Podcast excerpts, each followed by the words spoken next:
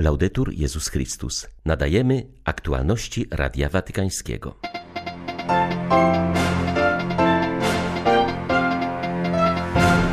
Papież modli się za Wenezuelę dotkniętą poważnym kryzysem. Konsekwencje pandemii COVID-19 uderzają w klasztory klauzurowe w Hiszpanii. Wielu z nich grozi skrajne ubóstwo. Wierni na Białorusi modlitwą wspierają arcybiskupa Kondrusiewicza. W ubiegłą niedzielę papież przyjął jego rezygnację. 8 stycznia witają Państwa ksiądz Krzysztof Ołdakowski i Krzysztof Bronk. Zapraszamy na serwis informacyjny. Papież zapewnia naród wenezuelski o swej bliskości. Franciszek pisze o tym w liście do kardynała Baltazara Poras Cardozo. Przypomina, że w ostatnich latach Wenezuelczycy stali się ofiarą poważnego kryzysu humanitarnego oraz społeczno-ekonomicznego, pogłębionego ostatnio przez pandemię COVID-19. Niech Bóg nadal udziela Ci siły i otwartości, abyś wiedział, jak z ojcowskim sercem towarzyszyć i umacniać jego święty lud wierny, doświadczony cierpieniem spowodowanym plagą pandemii, arogancją potężnych oraz narastającą biedą, która uciska, napisał papież z okazji imienin do wenezuelskiego purpurata. Papież Franciszek modli się za zmarłego w 88 roku życia szwajcarskiego kardynała Andriego Schwery. Modlę się, aby miłosierny Ojciec przyjął do swej światłości i pokoju tego człowieka nauki oraz pasterza gorliwie zaangażowanego w kierowanie swą diecezją, napisał papież w telegramie kondolencyjnym. W sposób szczególny wspomina jego zaangażowanie w duszpasterstwo powołaniowe, formację kapłanów, oraz troskę o jedność Kościoła. Kardynał Schwery był biskupem diecezji Sion, na terenie której w Ekon znajduje się główna siedziba i seminarium duchowne Bractwa Kapłańskiego Świętego Piusa X. Na czas jego posługi przypada konflikt arcybiskupa Marcela Lefebra ze stolicą apostolską. Szwajcarski kardynał przygotowywał się do kapłaństwa we francuskim seminarium w Rzymie. Na Uniwersytecie we Fryburgu studiował matematykę i fizykę kwantową. Przez wiele lat był nauczycielem, a następnie rektorem katolickiego kolegium w Sion. W 1977 roku Paweł VI mianował go biskupem tego miasta. Przez pięć lat był przewodniczącym episkopatu Szwajcarii. W 1984 roku gościł w swej ojczyźnie Jana Pawła II. W 1995 z powodów zdrowotnych złożył rezygnację z posługi biskupiej. Zmarł w swej rodzinnej wiosce, gdzie do końca życia pełnił posługę wikariusza w miejscowej parafii. Papież Franciszek mianował nowy skład Komisji Dyscyplinarnej Kurii Rzymskiej. Organ ten został ustanowiony w 1981 roku przez świętego Jana Pawła II. Jego zadaniem jest wymierzanie kar dyscyplinarnych pracownikom kurii. Przewodniczącym komisji został profesor Vincenzo Buonomo, rektor papieskiego Uniwersytetu Laterańskiego. Zastąpi ją biskupa Giorgia Corbelliniego, który zmarł w 2019 roku. Natomiast nowymi członkami Komisji Dyscyplinarnej Kurii Rzymskiej zostali argentyński prałat Alejandro Bunge, przewodniczący Urzędu Pracy Stolicy Apostolskiej oraz hiszpański ekonomista Massimino Caballero Ledo, który od sierpnia ubiegłego roku jest sekretarzem generalnym Watykańskiego Sekretariatu do Spraw Ekonomii.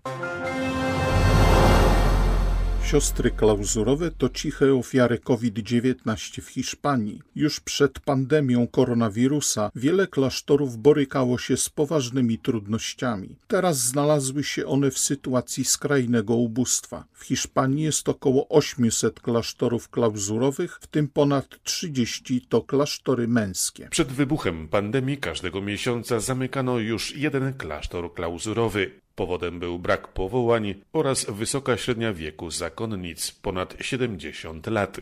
Sprzedaż własnych wypieków, komunikantów czy szycie szat liturgicznych zaledwie pozwalały na utrzymanie klasztoru. Wiele wspólnot korzystało z pomocy banków żywności i żyło dzięki emeryturom starszych sióstr.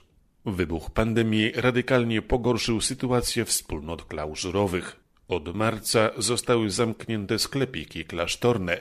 Ponadto parafie czy arcybractwa wycofały złożone zamówienia, ponieważ zostały odwołane procesje w Wielkim Tygodniu.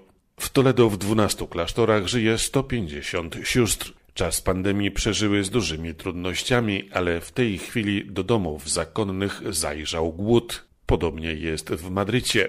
Siostrom starają się pomóc rodziny, wierni czy też miejscowi przewodnicy. Toledo dzięki ich staraniom zostały otwarte klasztory, aby mieszkańcy mogli poznać bogate dziedzictwo artystyczne, którym opiekują się siostry. Drobna opłata pomoże wspólnotom na przeżycie. Z Madrytu dla Radia Watykańskiego ojciec Marek Raczkiewicz, redemptorysta. Bynajmniej nie pandemia koronawirusa, lecz aborcja stanowi dziś na świecie największe zagrożenie dla ludzkiego życia. Jak podaje The Christian Post, opierając się na oficjalnych danych Światowej Organizacji Zdrowia, w ubiegłym roku przeprowadzono na świecie 42 miliony aborcji. Tymczasem liczbę ofiar COVID-19 szacuje się na milion 800 tysięcy. Faktyczna liczba dzieci uśmierconych w łonie matki może być jednak znacznie wyższa. Statystyki aborcyjne nie obejmują bowiem zgonów spowodowanych przez zażywanie środków wczesnoporonnych.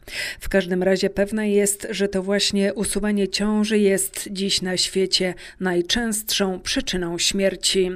Drugie miejsce w klasyfikacji zajmują choroby zakaźne takie jak malaria czy AIDS, które spowodowały 13 milionów zgonów, głównie w krajach rozwijających się. Kolejne miejsca w statystyce zajmują nowotwory, palenie i nadużywanie alkoholu. Po nich dopiero następuje COVID-19, a zaraz za nim wypadki drogowe oraz samobójstwa, w wyniku których zginęło w ubiegłym roku ponad milion osób. 500 lat po nałożeniu kary ekskomuniki na Marcina Lutra, Stolica Apostolska i Światowa Federacja Luterańska potwierdzają wolę podążania drogą prowadzącą do jedności, zapewnił w rozmowie z Radiem Watykańskim kardynał Kurt Koch, przewodniczący papieskiej Rady dla Popierania Jedności Chrześcijan. Świadectwem wspólnie podejmowanych starań jest zdaniem kardynała Kocha nowe wydanie wspólnej katolicko-luterańskiej deklaracji o usprawiedliwieniu. Jest to jedna z głównych kwestii, która przez wieki dzieliła chrześcijan obu wyznań. Mówi kardynał Koch. La question fondamentale pour notre existence chrétienne jest to kwestia podstawowa dla naszego chrześcijańskiego życia. Jak osiągnąć zbawienie i jak w nim wytrwać? Temat ten wzbudził w XVI wieku wielkie kontrowersje, które doprowadziły ostatecznie do rozbicia Kościoła. Czasy się jednak zmieniły. Dziś katolicy i luteranie mogą już razem, w zróżnicowanym konsensusie, wyznawać, że to jedynie dzięki łasce, poprzez wiarę w zbawcze działanie Chrystusa, a nie na podstawie naszych zasług, jesteśmy przyjmowani przez Boga i otrzymujemy Ducha Świętego, który odnawia nasze serca, uzdalnia nas i powołuje do pełnienia dobrych uczynków. Udostępniając nowe, poprawione tłumaczenie na język włoski deklaracji o usprawiedliwieniu, Światowa Federacja Luterańska oraz Papieska Rada dla Popierania Jedności Chrześcijan potwierdzają swe zaangażowanie, by od konfliktu dążyć do jedności.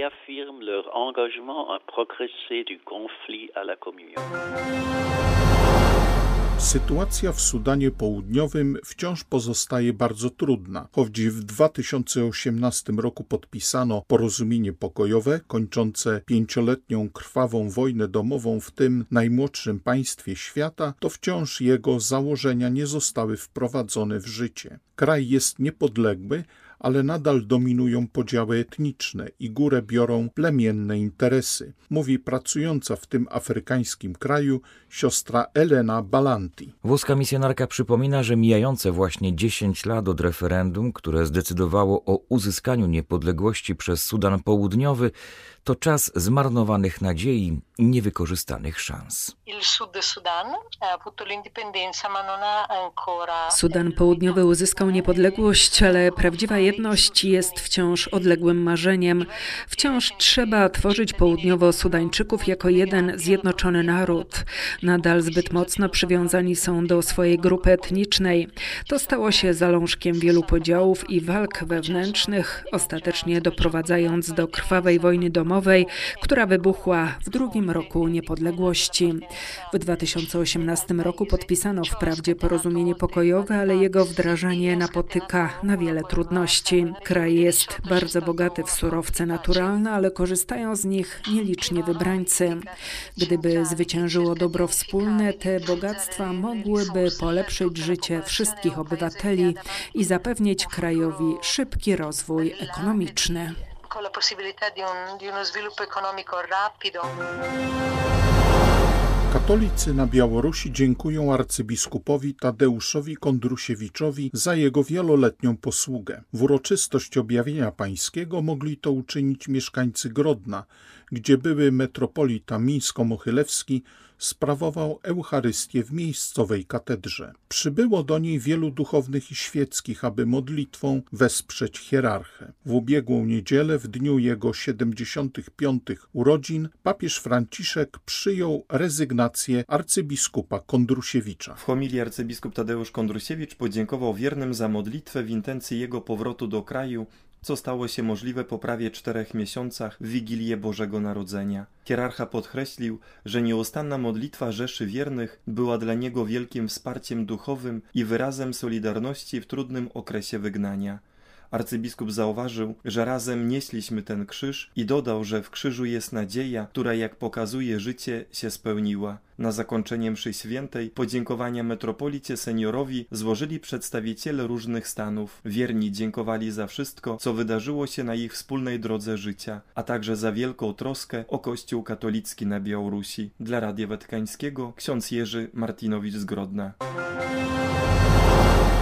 W Wenezueli zamordowano 46-letniego kapłana ze zgromadzenia braci szkolnych. Brat Luigi Manganiello był synem włoskich migrantów. Został zamordowany w uroczystość objawienia pańskiego w Barquisimeto na terenie szkoły, której był dyrektorem. Sprawcy zabójstwa nie są znani. Przypuszcza się, że do zbrodni doszło na tle rabunkowym. Komunikat archidiecezji Caracas podaje, że zamordowany zakonnik był dobrze znany i cieszył się wielkim uznaniem w okolicy. Był zaangażowany w apostolstwo młodzieży i duszpasterstwo powołaniowe. Coraz więcej migrantów decyduje się na powrót z Włoch do swych rodzimych krajów. Projekt realizowany jest dzięki włoskiemu Ministerstwu Spraw Wewnętrznych we współpracy z organizacjami udzielającymi wsparcia powracającym już na miejscu. W minionym roku najwięcej migrantów powróciło do Nigerii, Bangladeszu, Gany, Pakistanu i Senegalu. Podczas gdy o wciąż przybywających do Italii nowych migrantach jest głośno, zupełnie nie mówi się o tych, którzy decydują się na powrót. Realizowany jest on w ramach projektu dobrowolnego, asystowanego powrotu. W jego ramach włoska Rada do Spraw Uchodźców zapewnia wracającym m.in. bilet lotniczy oraz 450 euro na rozpoczęcie nowego życia. Ponadto 2000 euro na każdego powracającego otrzymują organizacje działające w ich rodzinnych krajach. Te pieniądze służą m.in. do zapewnienia wracającym dachu nad głową, wyżywienia i zatrudnienia. Przykładowo 37-letni Ahmed wrócił do Pakistanu po 11 latach nielegalnego pobytu we Włoszech. Dość już miał życia w nieludzkich warunkach i ciągłego wyzysku w pracy. Dzięki wsparciu otrzymanemu po powrocie kupił traktor i założył w swej rodzinnej miejscowości małą firmę rolniczą. Z kolei 23-letnia Nigeryjka otrzymane pieniądze przeznaczyła na otwarcie zakładu fryzjerskiego. Z programu powrotu do domu mogą korzystać zarówno legalni, jak i nielegalni uchodźcy. Były to aktualności Radia Watykańskiego. Laudetur Jezus Chrystus.